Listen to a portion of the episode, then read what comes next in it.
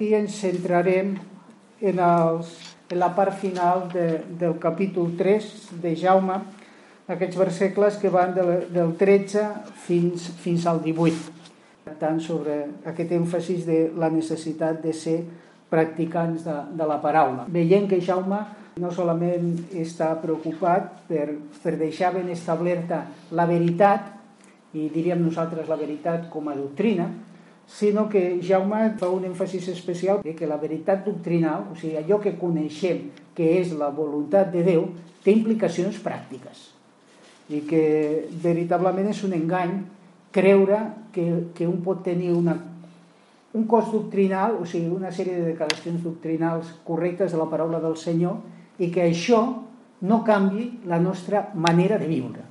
Aquest és un fet fonamental. I Jaume, ajudant a la seva congregació escampada per molts llocs diferents, les primeres coses que els recorda, a part de que quan tinguessin diverses tentacions doncs consideressin que era un motiu de goig, no perquè fer festa, sinó perquè Déu ho permetia amb uns propòsits benèfics per la seva vida, eh, aquí està l'alegria. O sigui, quan estàs passant-lo malament, el passar-lo malament no fa alegria, Eh, el goig, la confiança, l'alegria és el saber que no està passant perquè sí, sinó que el nostre Déu, que és un Déu molt misericordiós, doncs, enmig d'aquestes circumstàncies vol obrar coses bones a les nostres pròpies vides. Eh, després d'això, doncs, era això de la necessitat de ser practicants de la veritat, eh, que la realitat d'un cristià és que ha de tenir més una realitat teòrica o pràctica. Eh? Com quan ens traiem el carnet de conduir, eh, ens fan primer un examen escrit, que és la teoria, però clar, eh, després ens obliguen a fer una pràctica. I a vegades la teoria costa molt, però el que costa molt més... I la, i la paraula de Déu veiem igual, tret característic, i el Senyor mateix ho va dir. Eh? Pels fruits els coneixereu, o sigui, per la manera de viure, eh? per un canvi real. Després, una altra cosa que havíem estat considerant al capítol 2 és que també Jaume, intentant traslladar aquesta realitat, els parla sobre la necessitat de, de no fer accepció de persones. Eh? O sigui, que no tractar a uns d'una manera i a uns altres d'una altra manera i, i el context especialment que fa èmfasis és per la qüestió econòmica. Si entra un ric en la vostra congregació. O sigui, hi ha un principi general que és a la Bíblia, que Déu no fa accepció de persones, que Déu tracta per igual a tothom, tots eren pecadors, i tots estaven sota el judici i la condenació divina, tots.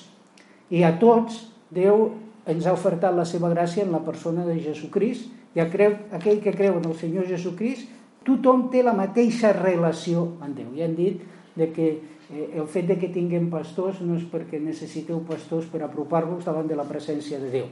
Cadascú se pot apropar a la presència de Déu. No és perquè necessiteu algú que us digui el que diu la paraula de Déu Qualsevol de nosaltres ha de demanar llum al Senyor i, i l'Esperit Sant és aquell que li, fa, li dona enteniment de la paraula de Déu. Déu no fa accepció de persones i, i és en alguna manera el que s'estava dient és que vosaltres això ja ho coneixeu, o sigui, teniu la teoria, però després a l'hora de la pràctica penseu que Déu no pot fer accepció de persones, però jo sí que puc fer accepció de persones. Si jo sóc un fill de Déu, i tinc el caràcter del meu pare, en la terra els caràcters dels pares a vegades tenen coses bones i coses dolentes. Hi ha coses que diuen, mira, això agafa-ho, fill meu, aquesta altra millor que no l'agafi. Eh? T'estalviaràs problemes. Eh? Però el nostre Pare Celestial, el seu caràcter és perfecte. I clar, no podem dir que som fills de Déu i aleshores no evidenciem la forma de ser del Senyor. Eh, una altra cosa que després vam estar mirant doncs era la inutilitat d'una fe morta, d'una declaració de llavis únicament. Eh? De què serveix? Era la segona part del capítol segon. De què serveix? A veure, nosaltres no som utilitaristes. Què vull dir utilitaristes? Vivim en una societat que sembla que solament és vàlida aquella cosa que, que és profitosa per, per algun fet concret i especialment en els nostres objectius. I que si és útil, les altres qüestions no es tenen en compte. No, els cristians no som utilitaristes. Però sí que és veritat que què? Que les coses de Déu són útils. Útils vol dir profitoses. Perquè fixeu que en la definició de què és la Bíblia diu que tota escritura és inspirada divinament i què més? i útil per ensenyar, per redarguir, per corregir, per... O sigui, és útil. És útil per, per ajudar-nos realment a ser persones diferents i viure d'una manera diferent. Aleshores, aquest és un altre principi. Per això que Jaume li diu, de què serveix? És una cosa inútil. O sigui, fer una declaració de llavis.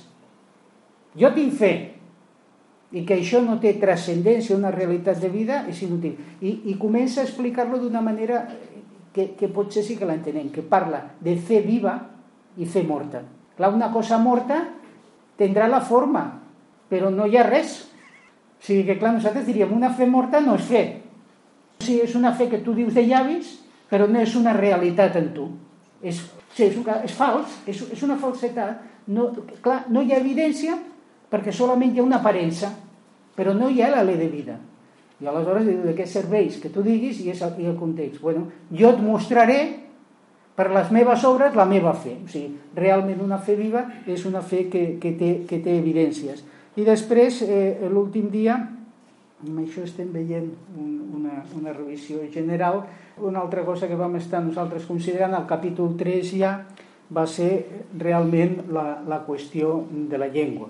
Estava parlant Jaume que no us feu molt no sigueu molts en fer-vos mestres sabent que rebeu un judici més sever del segle I. O sigui, el fet de, de posar-se a ensenyar uns altres no és senzillament eh, intentar ocupar un lloc de protagonisme o un lloc especial, sinó que el coneixement porta responsabilitat.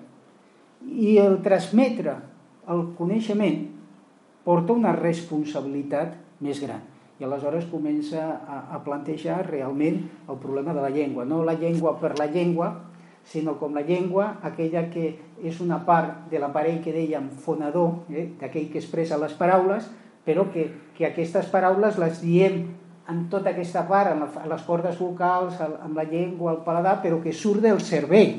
I, i el que està dient que és?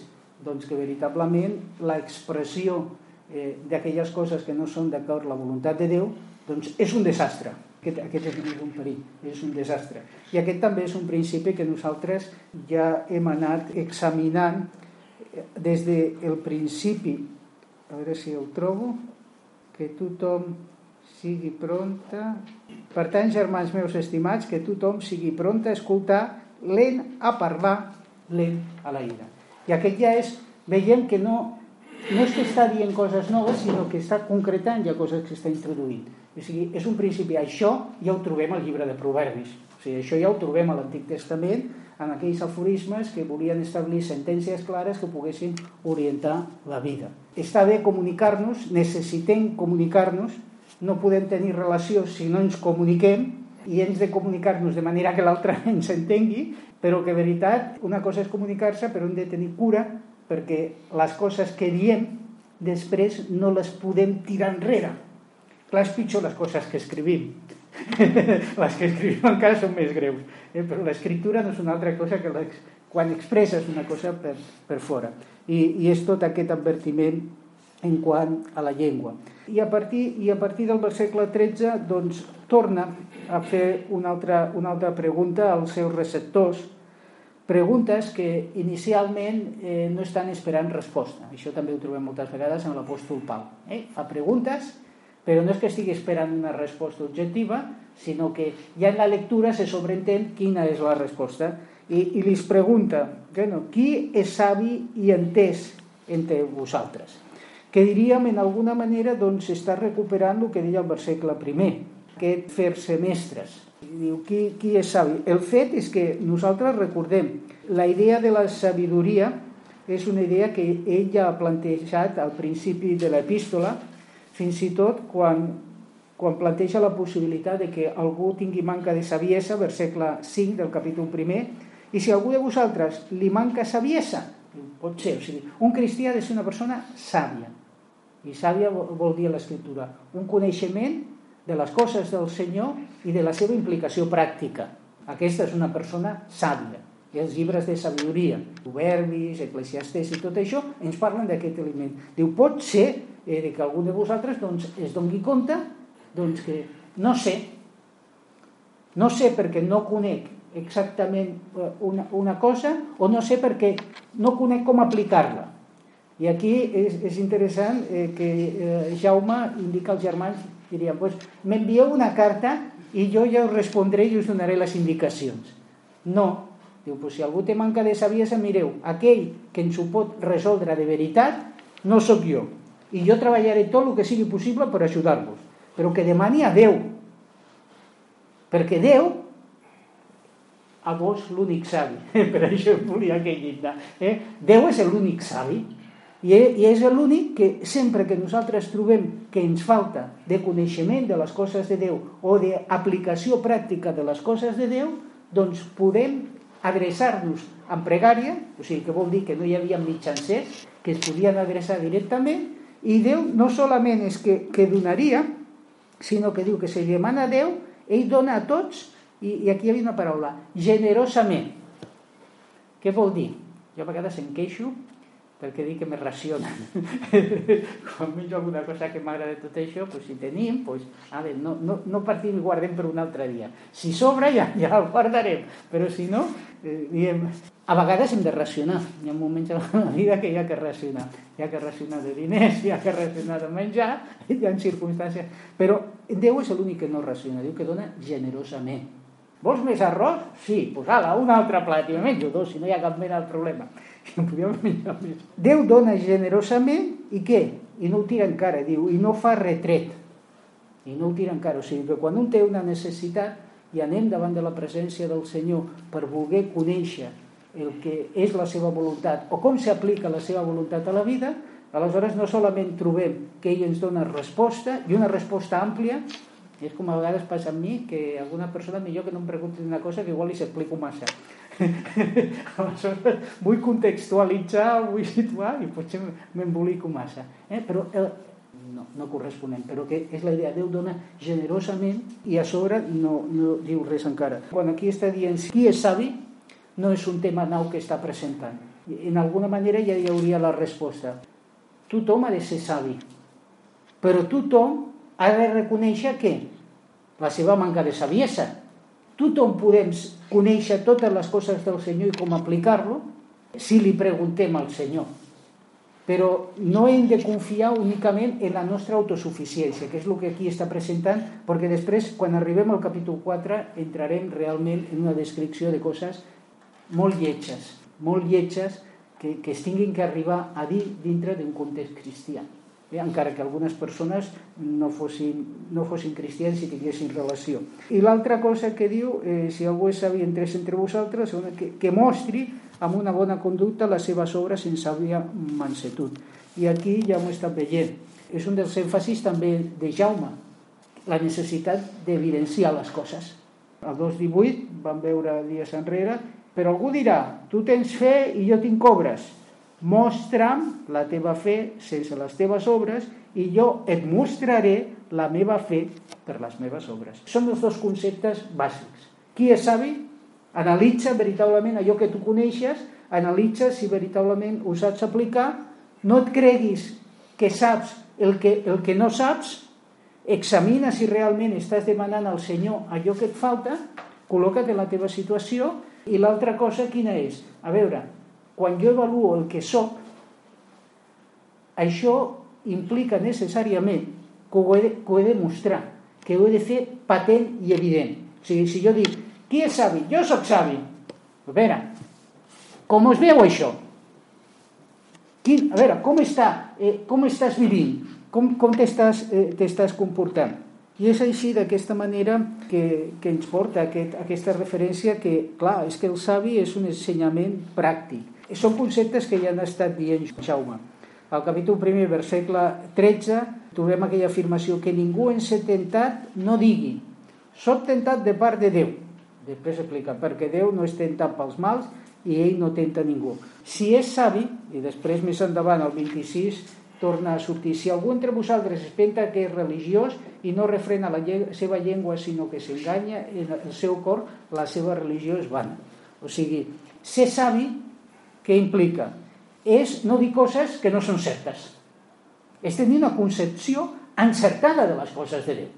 I aquí, d'alguna manera, el que està recuperant són aquests tots els conceptes. Eh, saps, si ets sap, si saps aquestes coses, no has de dir. Si tu vas veient, per això ens, ens hem d'examinar, si tu estàs veient que estàs dient, estàs afirmant coses incorrectes, que no lliguen, no pots catalogar-te en savi. I si no ets savi i et falta saviesa, era anar a Déu per, per resoldre realment la situació.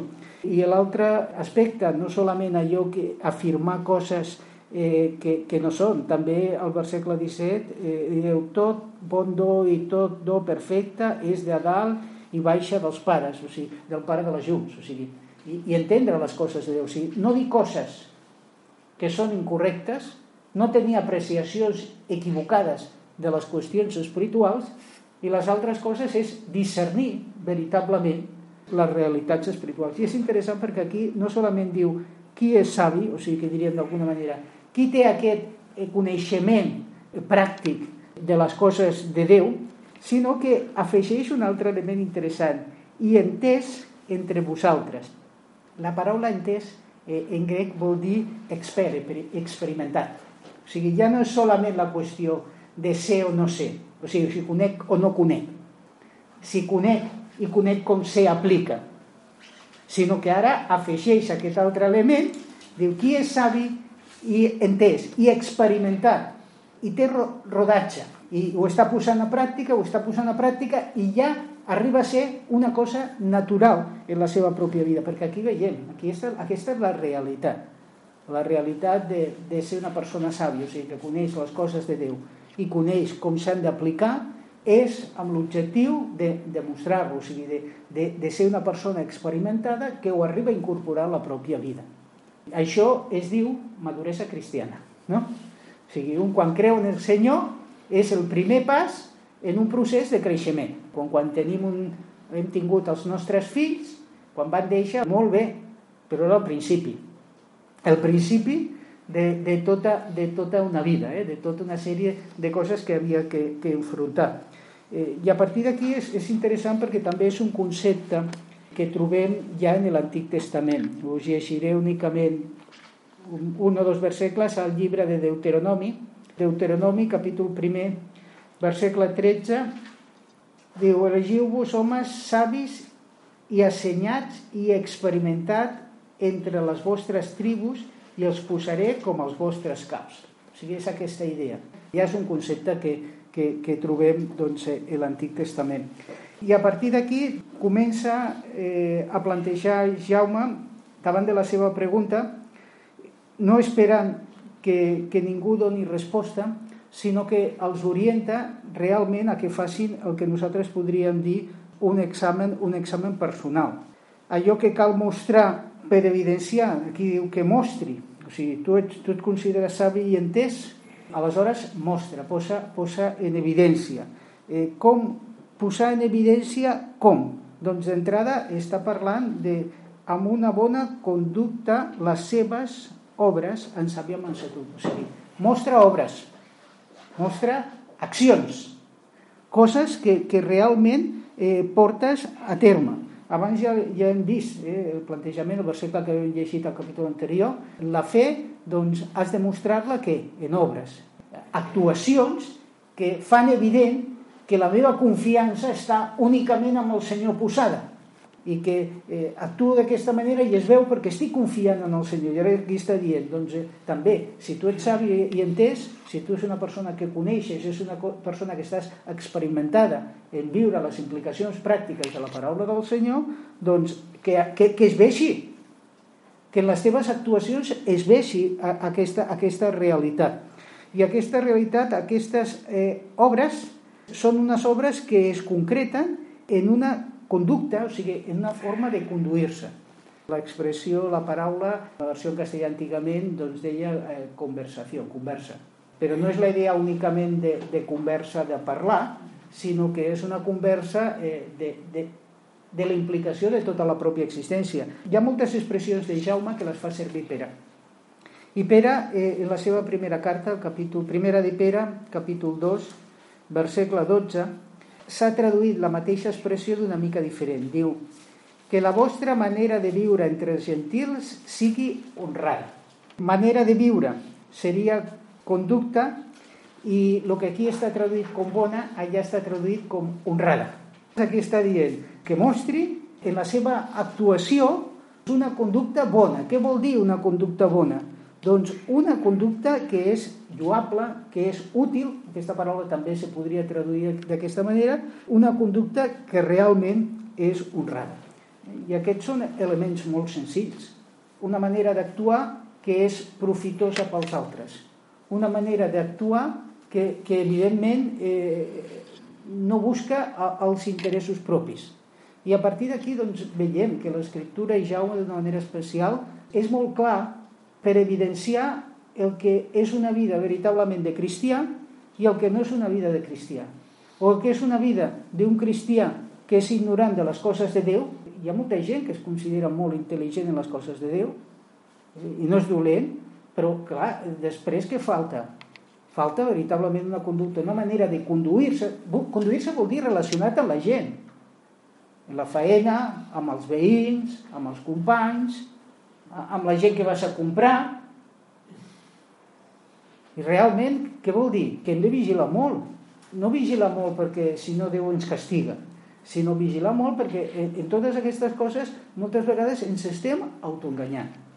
Ens estem autoenganyant hi ha formes de fer i d'actuar, de comportar-se, de parlar, de conduir-se, eh? de que realment no són conductes que són útils pels altres, no són conductes que són realment d'honradesa, sinó que eh, evidencien tot, tot el contrari.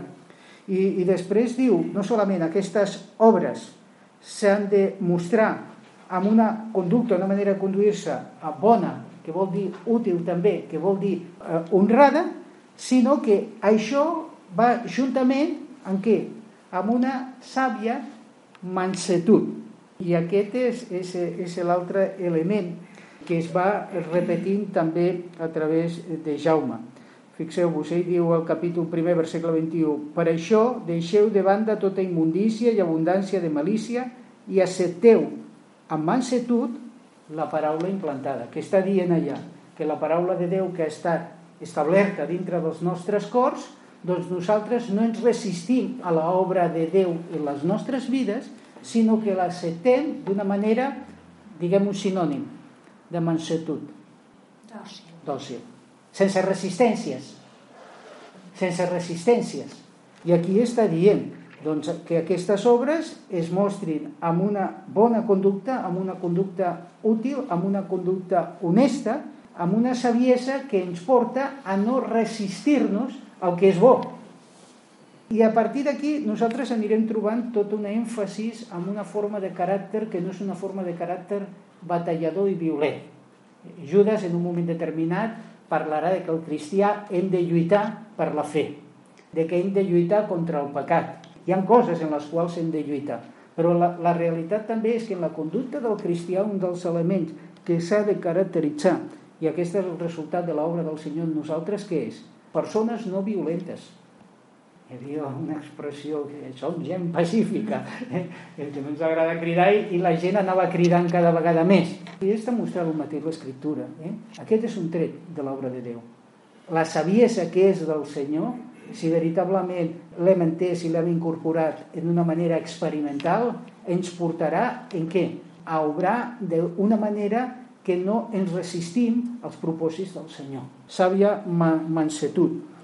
I en contraposició diu, el que sigui savi, que es vegi d'aquesta manera. I contrasteu-lo, perquè ara, clar, heu vist la manera i ara examineu la vostra experiència. Diu, però, i en l'escriptura és molt interessant moltes vegades els peros. Com tu vas a un lloc i et diu, amb la feina, sí, sí, escolti, vostè, sí, molt bé, m'ha agradat molt el seu currículum, eh? Sí, sí, experiència, eh, molt bé, eh, vale, anem per bon camí. Però, quan sents però, diu, ja l'hem fastidiat, ja no cal que et digui més, ja ens podem marxar. Tot l'altre serà senzillament acabar bé la situació, però és el però. I, i les escritures doncs, moltes vegades trobem el mateix. Eh? Ens està dient les pautes que hem de mostrar, però està dient, però escolta, no et quedis únicament en allò que és l'objectiu, sinó contrasta amb el que estàs experimentant en aquest moment. I diu, però si teniu... Aleshores parla de gelosia i de gelosia amarga. és interessant, la gelosia, diu el diccionari, que eh, és enveja que ens causa eh, qui gaudeix d'alguna cosa que voldríem per a nosaltres, però resulta que aquesta paraula és una paraula que no solament es tradueix a, a la Bíblia com gelosia, sinó que també com enveja. Pau, quan escriu als germans a Corint, i els vol eh, mostrar veritablement quina era la seva condició espiritual, ells es consideraven al màxim, consideraven savis, savis i entesos, diríem, utilitzant terminologia eh, de Jaume. I l'apòstol els ha de demostrar veritablement quina és la, la situació en les quals es troba, diu, però encara sou carnals, capítol 3, versícle 3, però encara sou carnals, perquè havent entre vosaltres enveja, diu més coses, eh? baralles i divisions. I aquí ell agafa és la mateixa paraula. Quan està parlant, diu, si en vosaltres hi ha gelosia, que vol dir, si en vosaltres hi ha enveja, i el diccionari, en quant a enveja, carrega una mica més el significat que en gelosia. Diu, sentiment especialment d'odi, la segona excepció, envers qui posseix una cosa que nosaltres no posseïm. I està dient, si en vosaltres no solament hi ha enveja perquè no puc tenir, gaudir d'una cosa que té l'altra, sinó que ja això pot arribar, aquesta gelosia ja pot ser una gelosia, diguem, envejosa, que arribo fins i tot a odiar a l'altre. Clar, eh, si tenim present això, entendrem després el capítol 4. Diu, i aleshores no solament és si teniu gelosia, si teni, sinó, què més? Si teniu gelosia amarga, perquè la realitat és, a veure, tota gelosia és amarga, ens amarga la vida. Quan desitgem intensament el que té l'altre i que nosaltres no ho podem tenir i que el voldríem tenir, ens amarga la vida. I si a sobre ho desitgem tant que arribem a odiar l'altre perquè té, no ens ha fet res, eh? sinó perquè té allò que jo no puc aconseguir, encara m'amarga més la vida i, el que diem normalment. I amarga la vida a tots els que estan al costat meu i amarga, que, que és tot el contrari de conformar-se. Pau diu, pues tenim, si, si tenim el bàsic, pues, gràcies al Senyor, és, és una actitud diferent. Jo la família de Consol sempre recordo eh, que, que té una tieta que sempre ha estat d'aquesta manera, una dona no, no conformista amb l'aspecte passiu, sinó que veient les seves mancances, encara gaudint de les coses que podia, i en lloc de, de viure eh, una amargura, viure feliç i no conèixer el Senyor. Són aquelles coses que dius, és, és el que em contrasta, diu, que clar, si amb vosaltres en lloc de, de tenir aquesta, aquestes obres que són una conducta eh, bona, que mostra una, una sàvia mansetud, en vosaltres el que s'està produint, el que està sorgint, les vostres obres, el que hi ha al vostre cor, perquè és interessant, eh? fixeu-vos que aquí diu perquè si teniu gelosia amarga i rivalitat en el vostre cor. El vostre cor afecta a les dues expressions, perquè la gelosia està dintre. Diu, si teniu això al vostre cor i no contents amb aquesta gelosia, què? És l'altra cosa que també hem dit en, en primera de Corintis 3.3. Enveges, rivalitats i baralles. I, I aquí és el que va sortint. Normalment, quan hi ha enveges, què hi ha? Confrontacions, rivalitats. Jo estic en contra de. I aquesta situació de jo en contra de l'altre arriba en un moment determinat, com les coses no es controlin, a què? A una baralla directa. Són accions externes que són el resultat d'aquestes realitats internes. I aquí està, està parlant a cristians. Jaume els tracta de germans meus. Li diu, vigileu. Vigileu perquè heu de ser savis. Perquè si no ho sou, li podeu demanar a Déu i us ho donarà tot. Ho necessiteu per poder viure. I a part de ser savis, heu de ser què? Entesos, experimentats, experts en viure les coses del Senyor. I no us heu d'enganyar. Les obres seran per vosaltres la vostra pròpia avaluació. Perquè si en lloc d'haver el que té que haver perquè Déu no es contradeix. Abans havia dit, havíem llegit eh, l'altre dia, pot, pot d'una mateixa font sortir aigua dolça i amarga? Ja els està dient, o sigui, hi ha coses que són impossibles. Vulgarment es diu no es pot aconseguir la quadratura del cercle. El cercle és un cercle, el quadrat és quadrat, són dues realitats eh, impossibles. El que està dient, o sigui, a vegades els cristians fem la quadratura del cercle. Hi ha evidències de, de coses que no corresponen i, i encara estem afirmant realitats espirituals que són falses. I aquí diu, i rivalitats, què feu? Aquí eh, és molt interessant perquè els diu, no us glorieu ni mentiu contra la veritat. I quan està dient no us glorieu, és la mateixa expressió que el versícle 13 del capítol 2 diu perquè el judici sense misericòrdia per aquell que no fa misericòrdia i la misericòrdia triomfa sobre el judici. És la mateixa paraula que ja s'ha traduït per triomfa. Eh? I aleshores els està dient d'alguna manera i no us glorieu, o sigui, i no us considereu que esteu triomfant, i no us glorieu. No penseu que la nostra vida és un èxit perquè, perquè realment eh, la nostra vida no solament és que sigui un fracàs, sinó que no posem solució a aquest fracàs. O sigui, el problema no és que hi hagi fracàs en la vida d'un cristià, que ja és trist, sinó que el problema més greu és que no siguem realistes, no siguem honestos no avaluem els nostres propis fets i aleshores siguem capaços de dir als fracassos triomfos i sentir-nos contents quan estem ensorrats. I aquí és, és el que està dient. No us glorieu, no us ensalceu, no us considereu que heu triomfat, ni tampoc, que són dues coses relacionades, ni mentiu contra la veritat. Què és mentir contra la veritat? Qui és la veritat? La veritat és Déu. La veritat és la paraula de Déu. El Senyor Jesucrist es presenta d'una altra manera com, com la veritat. Jo sóc el camí i la veritat i la vida. Eh, la veritat vol dir, eh, a vol dir allò que és autèntic, allò que és cert. Ni mentiu contra el que és cert. I aquí es fa aquest primer anàlisi. Senzillament ha fet una pregunta que nosaltres podríem semblar retòrica, els ha orientat si és d'aquesta manera que, que ho mostrin, que, que es faci visible, i a partir d'aquí, quan intenten ocupar-se en fer-lo visible, diu, però no s'enganyeu. Eh? Perquè si quan esteu intentant eh, mostrar-lo veieu que no hi ha manera que pugueu mostrar i el que esteu mostrant realment és tot això, escolteu, feu un diagnòstic precís de quina és la vostra pròpia situació. I a partir d'aquí comença a plantejar el que seria realment el tema que vol tocar de fons hi ha una mateixa paraula i hi ha dues realitats diferents. Eh? Això ho trobem molt sovint. I això parla el llenguatge. Això és la polisèmia? O sigui, utilitzar una paraula, una paraula que pot tenir diferents interpretacions. Diem que dintre del cant cristià realment, lamentablement, per una manca de fidelitat al Senyor i a, la, i, a, i a la seva paraula, cada vegada més hi ha aquesta utilització. Utilitzem eh, paraules que veritablement poden tenir significats totalment diferents. I vol dir que no ens podem comunicar, que no ens entenem, que vivim realitats paral·leles.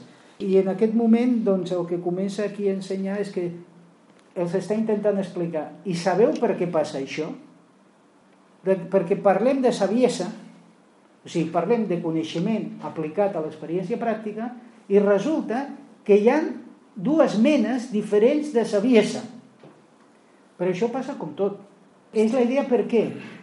Perquè es pot expressar una ira. El llibre d'Apocalipsis que estem estudiant a Vinyonet parla de les copes de la ira de Déu. Però la ira de Déu és una ira santa. És el judici just de Déu davant d'un pecat de l'home que no es vol penedir. Però normalment la nostra ira no és una ira santa. I Pau d'alguna manera els està dient, mira, si pots airar-te i no pecar, pots airar-te. Però no has de pecar. I nosaltres què diem? Uf, mira, millor no ens airem mai, perquè les possibilitats que tenim de, de fer-lo pecant són un 99,99%. Eh? O sigui que més val que no. I aquí està presentant el mateix. És que, clar, es parla de saviesa. Avui en dia, jo a vegades he comentat, mira, és una de les èpoques en les quals els cristians poden ser més savis, més intel·ligents. En quant a coneixement teòric, a part de, la, de que jo tinc una biblioteca grossa i que pots tenir molts llibres, però és que amb una petita eina, un aparellet, un ordinador, te baixes d'internet amb un programeta de, de birria no, perquè està ben fet, però pots incorporar tota una quantitat de recursos i escolta, el que abans difícilment un pastor en una congregació que tinguessin molts recursos i que li compressin llibres perquè pogués estudiar, doncs podria accedir a un nivell baixet, avui nosaltres, és que, mireu, jo tinc solament un llibre que explica, no, no, no interpreta l'escriptura, sinó que t'explica el context, aquelles paraules en aquell moment. I tinc uns altres volums que no tots són bons, eh? També siguem sincers. I tinc uns altres que m'explica tota l'etimologia de la paraula, com, com, se, com l'explicava en grec antic, com se va traduir en la Septuaginta, com utilitzaven els grecs de l'època, eh, els jueus de l'època del Senyor Jesús i com s'utilitza en el Nou Testament en diferents llocs. Això està bé. Però, entén-me, jo per ser capaç de conèixer tot això, quants, quantes carreres tindria que fer a la universitat? No, Enteneu-me?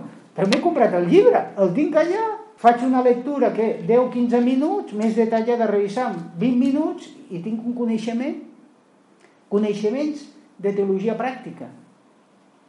Tenim quantitat de llibres. Quin és el problema? Doncs en el moment en què els cristians sembla que tenim eh, més, més saviesa que mai.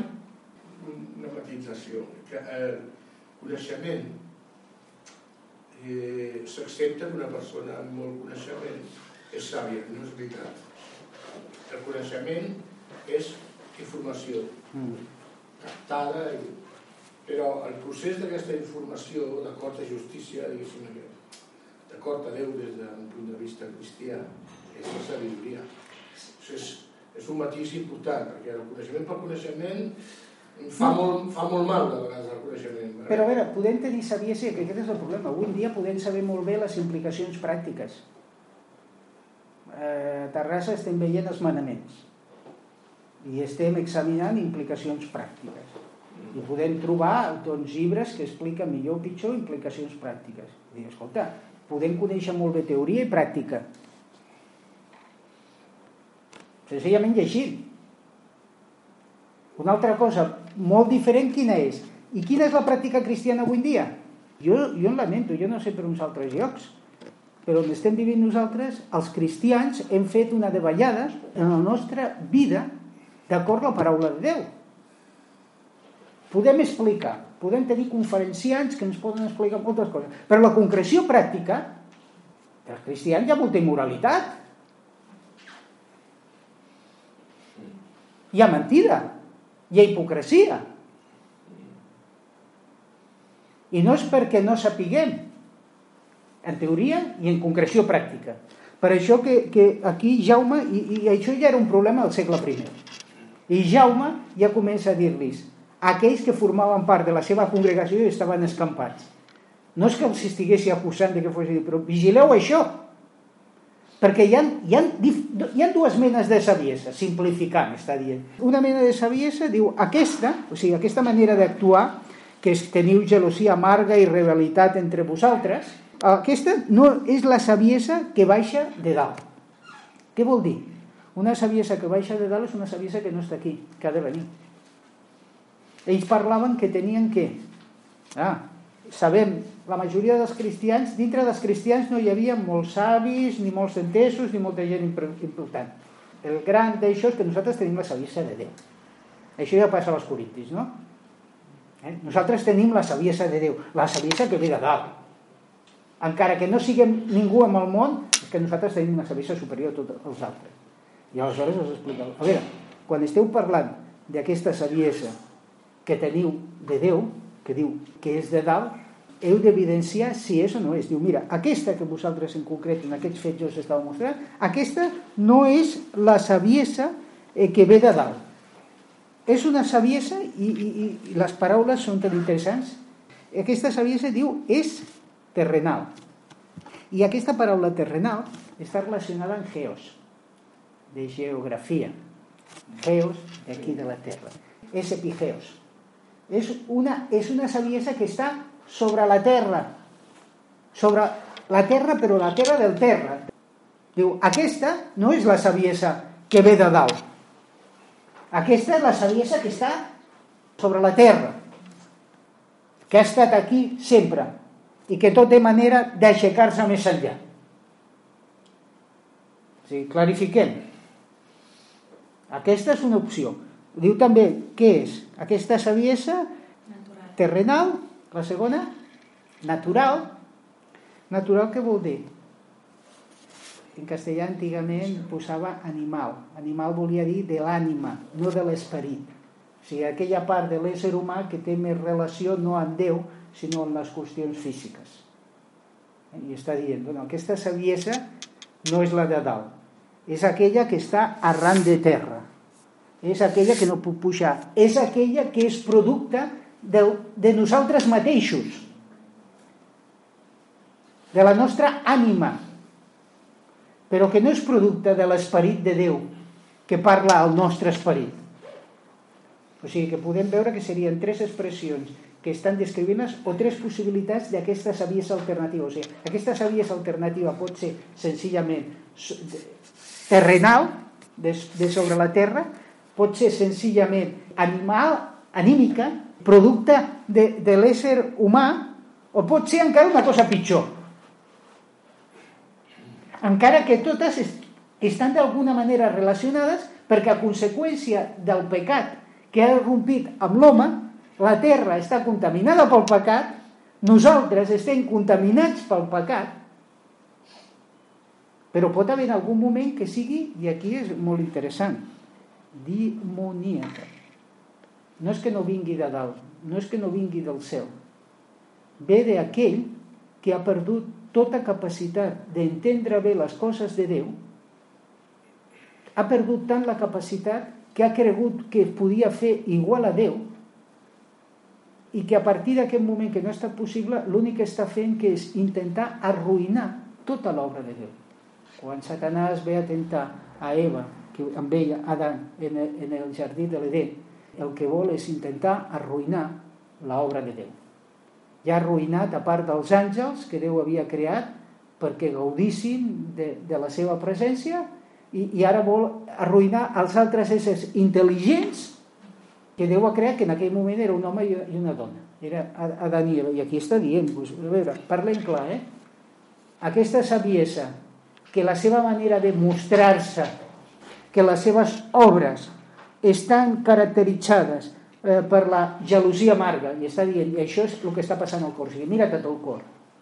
Per la gelosia amarga i la rivalitat en el, en el vostre cor el que és, és, és una manera és una teoria pràctica que no ve de Déu en res que no és la saviesa de dalt sinó que veritablement és una saviesa corrompuda, afectada pel pecat que pot ser senzillament d'aquí de la Terra que pot ser el resultat de nosaltres mateixos o que pot ser fins i tot el coneixement pràctic que transmet el diable i els dimonis enmig de la gent.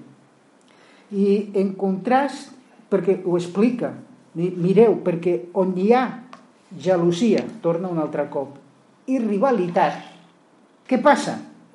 Hi ha confusió i aquesta paraula confusió és la mateix, una mateixa que Corintis es tradueix per desordres. O sigui, no solament és la idea de que no es tenen les coses clares, eh? sinó en un moment que hi ha confusió, estàs en un lloc, diuen que hi ha un atemptat, eh? que hi ha una bomba, la gent no sap cap a on anar, aleshores a partir d'aquell mateix moment el, el, el que hi ha que és un desordre complet. També és una paraula que uns altres llocs de l'escriptura es tradueix revoltes. O sigui, és una confusió que pot portar el desordre i que pot arribar fins i tot, diu, el que hi ha, on hi ha gelosies i rivalitat, on hi ha això dintre del, teu, del propi cor, i entre, entre les persones que estan allà plegades hi ha confusió i tota mena d'acció maligna. Està explicant els fets, els esdeveniments, no són bons, perquè hem vist que parlava de què? D'una bona conducta. Una conducta que era profitosa, que era útil, a més d'un rosa. En canvi, quan veritablement hi ha aquestes coses que evidencia una saviesa diferent de la saviesa de Déu, una saviesa contaminada pel pecat, el, el que veritablement allà s'està produint doncs, és aquest element. És desgavell, és desordre. És desordre... Què passava a Corint? A l'església de Corint e, era aquesta la situació. Era aquesta la situació. Havia un desgavell total, un desordre absolut. Havia una revolta entre ells mateixos. Si havien partits. Havien partits, eh? entre altres qüestions, i aquí, aquí ho està explicant. I ara comença, diu, l'encanvi és el moment de transició. La saviesa que és de Déu, en lloc de ser d'aquesta manera, com és? És d'aquesta altra manera. I fixeu-vos que eh, l'obra de Déu i l'obra humana o l'obra del pecat realment no són coses molt semblants. És mentida. Són coses molt diferents. És molt diferent ser una persona educada a ser una persona hipòcrita. Encara que en la forma d'actuació nosaltres puguem dir, home, és molt semblant. És molt diferent. És molt diferent. I aquí està dient, són elements contrastats. I els cristians que diem que han rebut la llum de l'Evangeli, la llum de Déu, no tenim excusa per no ser capaços d'identificar aquestes realitats diferents en les nostres pròpies vides. I diu com és la saviesa que baixa de dalt, que vol dir la que ve de dalt és la que ve de Déu. Diu, és, primerament, o sigui, hi ha una cosa bàsica. En primer lloc, sobre totes les coses, és una saviesa pura. Pura és la paraula d'on ve santedat. I pura és la paraula de, de on, que es tradueix en un altre lloc, pues, net, o la vostra, com es deia en castellà, la vostra casta conducta. Diu, en primer lloc, la saviesa que és de Déu, que és de dalt, és una saviesa pura, és una saviesa neta, és una saviesa que no està mesclada amb unes altres coses és una saviesa que es conforma al, al, caràcter, al caràcter de Déu. I això és el primer. Hi ha més característiques, però aquesta, si falta aquesta primera, ja, ja no cal seguir endavant. Eh? Estem en un món, en la qüestió de la puresa, eh, ja no es parla aquesta paraula, ni entre els cristians. La puresa de les nostres vides, sí, vides netes. La puresa d'un noi i una noia a, a, fins a arribar al matrimoni. Ja, ja no es parlen d'aquestes coses. Però la característica de les Sagrades Escritures, per parlar que les coses eren impures, allà parlaven l'altre dia de, del Pentateuc, quan parlaven d'impures, era per veure que eren necessaris les coses pures, les coses netes. Les coses netes també vol dir simple i senzill. I diu, mira, la saviesa que ve de Déu, en primer lloc, què és? Doncs és una saviesa pura, és una saviesa neta, és una saviesa que no està mesclats amb elements de pecat. I aquestes coses que dit, que ha dit Jaume, ells ja sabien que això era pecat. I ja tenien la llei, les deu paraules i tot el pentateu que desenvolupava eh, aquestes deu paraules. I a més a més, doncs mira, a part de pura, que és la primera cosa, després què és? Doncs és pacífica. Què vol dir? No violenta. Un dels trets de que nosaltres hem entès com cal viure agradant al Senyor és que un tret d'un cristià ha de ser no violent. Vol dir que quan en un cristià hi ha violència, una cosa és que en un moment determinat et puguis enfadar davant d'un fet injust. Però quan vivim una, una, una realitat que, que no és pacífica, els cristians hem estat cridats a ser pacificadors. Què vol dir? A veure, tu com pots ficar la pau si ets una persona que fa brega tot arreu. No, no, és impossible. És impossible.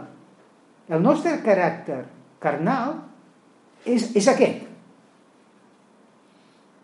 Però clar, solament si tenim la saviesa que ve de Déu i som experts, o sigui, som savis i entesos i experimentat en tot això, ho veurem, ho veurem d'una manera pràctica, per què? Perquè les incidirà en les nostres vides, a part de ser, en primer lloc, purs, en la nostra conducta, en la segona cosa que serem, serem pacífics, serem persones no, no violentes. La segona cosa que afegeix dintre d'aquest segon grup, que és amable. Amable. Cadascú eh, té el seu tret característic. Hi ha persones que són més agradables d'entrada, més fàcil. Hi ha gent que la forma d'expressió pot ser més aspra.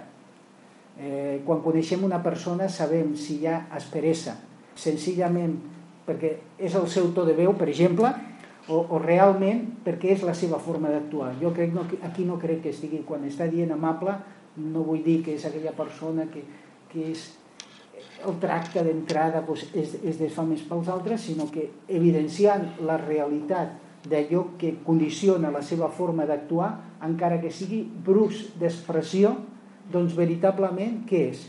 Eh, en el cor, en el que ho motiva, és amable, no és aspre. Fixeu-vos, pacífica, no violenta. És, és amable, no és aspre. Eh? Busca veritablement un element d'aproximació.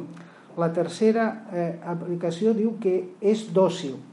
Eh, I aquí també és una paraula interessant. Aquesta paraula dòcil doncs, podria ser que obeeix fàcilment, que també podria ser una altra expressió que és tractable, que no és intractable, eh? que quan tu estàs mostrant que hi ha una cosa, doncs no busca la batalla permanentment. Vale, bé, mirem-lo, mirem-lo, tractem-lo. Parla, és dòcil. Després, què diu? És plena, i aquí hi ha dues coses que estan afegides per una conjunció copulativa. La gramàtica és molt important. Vol dir que, que aquestes dues coses estan més juntes. És plena de misericòrdia i és plena de bons fruits. Està dient, misericòrdia què és? Aquella actitud davant de l'altre en necessitat, doncs eh, aquella actitud d'actuar cercant la necessitat de l'altre sense que t'ho vingui a demanar o a requerir. O sigui, és una saviesa que em porta a ser misericordiós cap als altres, però no solament ser, ser misericordiós, fixeu-vos que aquí l'expressió que és? És plena de misericòrdia. I també és plena de bons fruits. I la idea de bons aquí es continua, és com, com hem dit abans, quan deia bona conducta, que dèiem que podia ser també una conducta útil, d'una útil conducta, aleshores bons fruits és el mateix, és fruits útils. O sigui, els bons fruits és aquells que són útils en el compliment del propòsit de, do, de Déu als altres. Aquesta realitat operant en mi em porta a què? No em porta únicament a ser una persona més propera. No em porta a ser una persona més preocupada pels altres, sinó que també em porta a ser una persona que jo pugui ser de profit als altres. Aquesta saviesa diu que també diu sense dubte. I la idea d'aquí de dubte doncs podria ser una mica de sense ambigüetats. No sí ni no. La saviesa que ve del Senyor no és ambigua.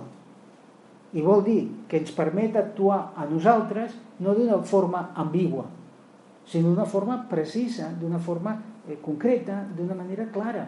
Déu no és ambigu, és a nosaltres. Déu és clar, i els cristians que tenim aquesta saviesa de Déu, doncs aquest és, aquests són uns trets d'aquesta característica divina, que vol dir que si jo la incorporo a la meva vida, s'ha d'incorporar en la meva actuació. I l'última que ens diu és la mateixa paraula que Pere, a la seva carta, capítol 1 i versicle 22, hem traduït allà havent purificat les vostres ànimes en l'obediència de veritat, per mitjà de l'esperit per tenir un amor fraternal sense fingiment. Eh? Això vol dir sense hipocresia, sense fingiment. Tot això eh, ens porta a, a veure aquest interès que té, que té Jaume de concretar en la realitat pràctica allò que té les implicacions de la, de la vida espiritual. Germans meus, doncs sou creients, germans meus, esteu enmig d'un context diferent, canviant. En algunes coses potser no és tan facilitador per la vostra vida cristiana com quan estàveu en Jerusalem, amb l'assemblea de Jerusalem, en un context que encara que era a vegades contrari a l'Evangeli, tenien present la paraula de Déu, Però ara que esteu en aquest altre context, el que heu d'estar vigilant en una forma constant i permanent, què és? No enganyar-vos en la vostra vida com a creients. Fixeu-vos que eh, això és el mateix de primera de Joan. En algunes d'aquestes coses veus que hi ha aquesta preocupació, aquest paral·lelisme. La gran preocupació perquè no hi hagi què? Engany. Perquè no hi hagi autoengany és veritat que el que hem estat llegint aquí doncs, són coses molt contrastades. Diu, home, com es pot un equivocar i creure que té la saviesa de Déu i que és savi? O sigui, conec les coses de Déu i sé aplicar-la. I, I que és entès i que sóc experimentat. Si veritablement una cosa i l'altra eh, no lliguen per a res. Aquí Jaume no ho està presentant perquè sí, sinó perquè és possible. Nosaltres no tenim que anar molt lluny per veure que hem viscut de realitats d'aquestes. És possible, és possible. No solament és possible, és relativament fàcil. Ah, la llum de la paraula de Déu ens vol eh, mostrar totes aquestes coses com a mínim perquè no ens enganyem i no enganyant-nos puguem sentir-nos culpables. Hi ha, hi ha culpes bones i culpes dolentes. Quan hem confessat una cosa al Senyor i ens ha perdonat, el encara sentir-nos culpables és una, cursa, una culpa falsa. Perquè el Senyor perdona, no com nosaltres hem dit més d'una vegada, el Senyor perdona i oblida. L'expressió d'Isaïas, com és junt, l'Orient i l'Occident. Ha apartat de nosaltres els nostres pecats. Orient i Occident mai es poden tocar. Són dos elements oposats. Sentir culpa per una cosa que l'hem demanat perdó a Déu, això no. Déu ens ha perdonat. Una altra cosa és que nosaltres vigilarem de no tornar-lo a fer. I si ha tingut conseqüències mirarem d'arreglar-lo. Això és una altra qüestió. Ara, sentir culpa quan no estem vivint com cal, ens convé. Vivim també en una societat, i en una societat cristiana, en la qual ens desculp... de tot. És veritat. Què? que el nostre adversari és el diable i que procura que arruïnar les nostres vides. Ara, la culpa del nostre pecat no és del diable. Soc jo quan de la meva pròpia concupiscència soc seduït i atret. Vivim en una societat que la culpa se traspassa a l'altra. I en aquest aspecte, doncs, l'escriptura no per martiritzar-nos, Déu, la gran diferència és que Déu, quan ens mostra la culpa, no és per martiritzar-nos. És senzillament per treure'ns aquell pes que està arruïnant la nostra pròpia existència. Déu ens mostra la culpa perquè la reconeguem, la confessem i ens pugui ser perdonada. Aquesta és la gran diferència. És el que hem llegit. Si té falta de saviesa, li demana a Déu i què fa? La dona en abundància i què més? I no fa retret. A veure, hi ha una culpa que és molt sana, molt bona. Quan no estem vivint d'acord les coses de Déu, no podem enganyar-lo. I és clar, és evident, però com, com podem arribar-nos a enganyar de tal manera que fins el més clar, a vegades ho hem dit, la gent que no és cristiana veu la mala conducta dels cristians que els cristians no es donen compte de que l'estan portant a terme. Tornem a l'exemple de Corint. Corint estaven contentíssims. I la gent de fora deia, què fan aquests? Si fan coses que ni nosaltres fem. I estaven contents de la vida. A Pau li va costar molta feina que poguessin arribar a acceptar, perquè escolta, nosaltres tenim tots els dons. I portava una conducta de vida escandalosa. Concluint, aleshores aquí, estan aquestes paraules del versícle 18 que diu i el fruit de la justícia és sembrat en pau per als que practiquen la pau. Ens està parlant d'aquesta saviesa i, i la incidència d'aquesta saviesa, doncs què és? La saviesa que és de Déu ens porta a viure justícia vol dir rectitud. Ens porta a viure en rectitud. I la rectitud porta fruit. Però perquè la rectitud pugui portar fruit. Què és necessari? Que pugui ser, i aquest és l'element, és sembrat en pau. La pau eh, nosaltres ja ens ha sortit a dir quan la saviesa de Déu és pacífica. La pau de Déu governi els vostres cors. La obra de Déu és pau. I aquí està fent molt d'èmfasis perquè fixeu-vos que ha estat dient que la saviesa que no era de Déu, que era, era gelosia i rivalitat. I aquesta gelosia i rivalitat que era confusió i tota mena d'acció maligna. I en el capítol 4 començarem a veure d'on venen les guerres i les lluites entre vosaltres. Ah! Això és capítol 4. I li diu als creients de Jerusalem que havien estat escampat, entre vosaltres hi ha situacions que exemplifiquen guerres. I no us doneu compte. Què és necessari? És necessari la pau. Hi ha pau en el cor quan tinc enveja. I si no és en pau, no es pot fer res. En una situació de confrontació no s'arregla cap cosa. És impossible. En una, a veure, traspassant a la fe real, una de les conseqüències que tenen les guerres, sabeu quines són? Es perden totes les collites. Perquè en una situació de guerra no es pot ni sembrar ni es pot recollir. La guerra porta fam, això en l'Apocalipsi surt, primer ve la guerra i ve la fam, i és la conseqüència normal. Tots els països que passen guerres, després, a continuació, què deien? Eh, ah, tu, jo dic els nostres pares, eh, però que vau passar la guerra. El meu pare sempre em diu el problema no va ser tant la guerra, que ho va ser. El problema va ser la postguerra. L'altre dia sortia en Holanda eh, part de lo que ells van patir de, de la guerra, doncs van arribar a menjar eh, les tulipes les... Sí. Els tronxos de la col. Perquè no hi havia, no havia una altra cosa. O sigui, eh, què vol dir? Eh, en una situació de guerra no se sembra. Si no se sembra, què vol dir? No hi ha collita, no hi ha esperança. Per això que, que està dient el fruit de la justícia, o sigui, si, si volem conrear, si volem recollir el fruit de què? De la rectitud, de viure en rectitud davant de Déu, d'aquesta saviesa de Déu que és recta, aleshores necessitem de forma imperiosa què? La pau entre nosaltres. Quan hem viscut alguna circumstància d'església, diguem de guerra, aleshores què era? No podem fer res. Això hi ha que resoldre perquè fins que no resolguem el problema intern entre nosaltres, no podem fer res.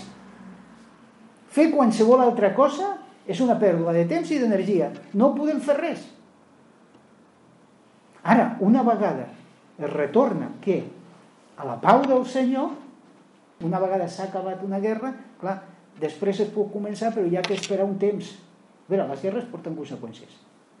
Però després de la guerra doncs podem tornar a conrear els camps, a plantar i tindrem collites i una vegada tinguem collites ja podrem resoldre realment aquell fet. I aquí està dient, el fruit de la justícia és sembrat en pau. I està dient, i aquells que sembren en pau el fruit de la justícia, què fan? Per als que practiquen la pau. Eh? I els que practiquen la pau són aquells que també són l'element beneficiari. I aquí veiem o sigui, que Jaume eh, en totes aquestes coses doncs, està sent molt pràctic. No està en cap d'aquestes coses que confia, en cap d'aquestes coses que està dient. No està confiant en les capacitats humanes quan ha parlat de les obres no ha estat confiant en les capacitats humanes. Són les capacitats de Déu. Però l'obra de Déu es veu. Quan no es veu és perquè no hi ha obra de Déu. I l'obra de Déu no són paraules ni espectacle. La, la, la obra de Déu són canvis de conducta i maneres de viure a vegades eh, estem massa, massa preocupats de l'aparador i estem poc preocupats de, de, la realitat, de la realitat interna. I, I aquesta pregunta que Jaume havia fet aquí no era una pregunta retòrica, no era una pregunta per agafar-los eh, en alguna cosa que feia mal fet. Nosaltres veiem que tota l'estona els està parlant amb molt de carinyo, sinó perquè aquesta és la seva voluntat. Déu vol que aquells que hem cregut amb el Senyor Jesucrist, que hem conegut en Crist amb la saviesa de Déu, que siguem? Siguem savis i entesos. no els pastors, clar que els pastors sí, no els predicadors, nosaltres, com som poquets, no tenim gaire cosa, ni els diàcans, ni els instructors d'escola dominical, no tenim escola dominical, no tenim nens, però no vol dir un grup selecte de cristians, sinó que veritablement tots. La saviesa és accessible a tots, la saviesa del Senyor. El Senyor la dona, eh? sense cap mena de problema. I nosaltres hem de ser experts. I ens hem de preocupar per què?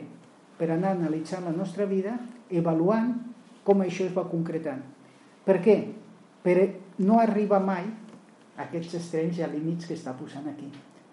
Quan veiem que aquests trets de la saviesa que és de Déu ja comencen a fer una mica de figa, buscar davant de la presència del Senyor perquè això pugui ser resolt.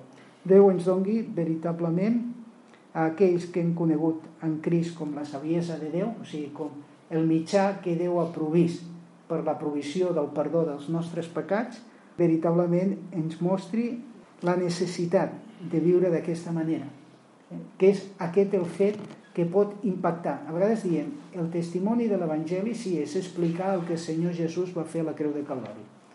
Però el testimoni de l'Evangeli, quan nosaltres diem testimoni, testimoni és allò que un sap de primera mà i comunica als altres. I el testimoni dels cristians és allò que Déu ha fet en nosaltres i que s'evidencia. El testimoni és de paraules i el testimoni ha de ser de vida. I per això, davant de les nostres incapacitats, tenim la provisió del Senyor que, que, ens, ha, que ens vol realment ajudar en tot això.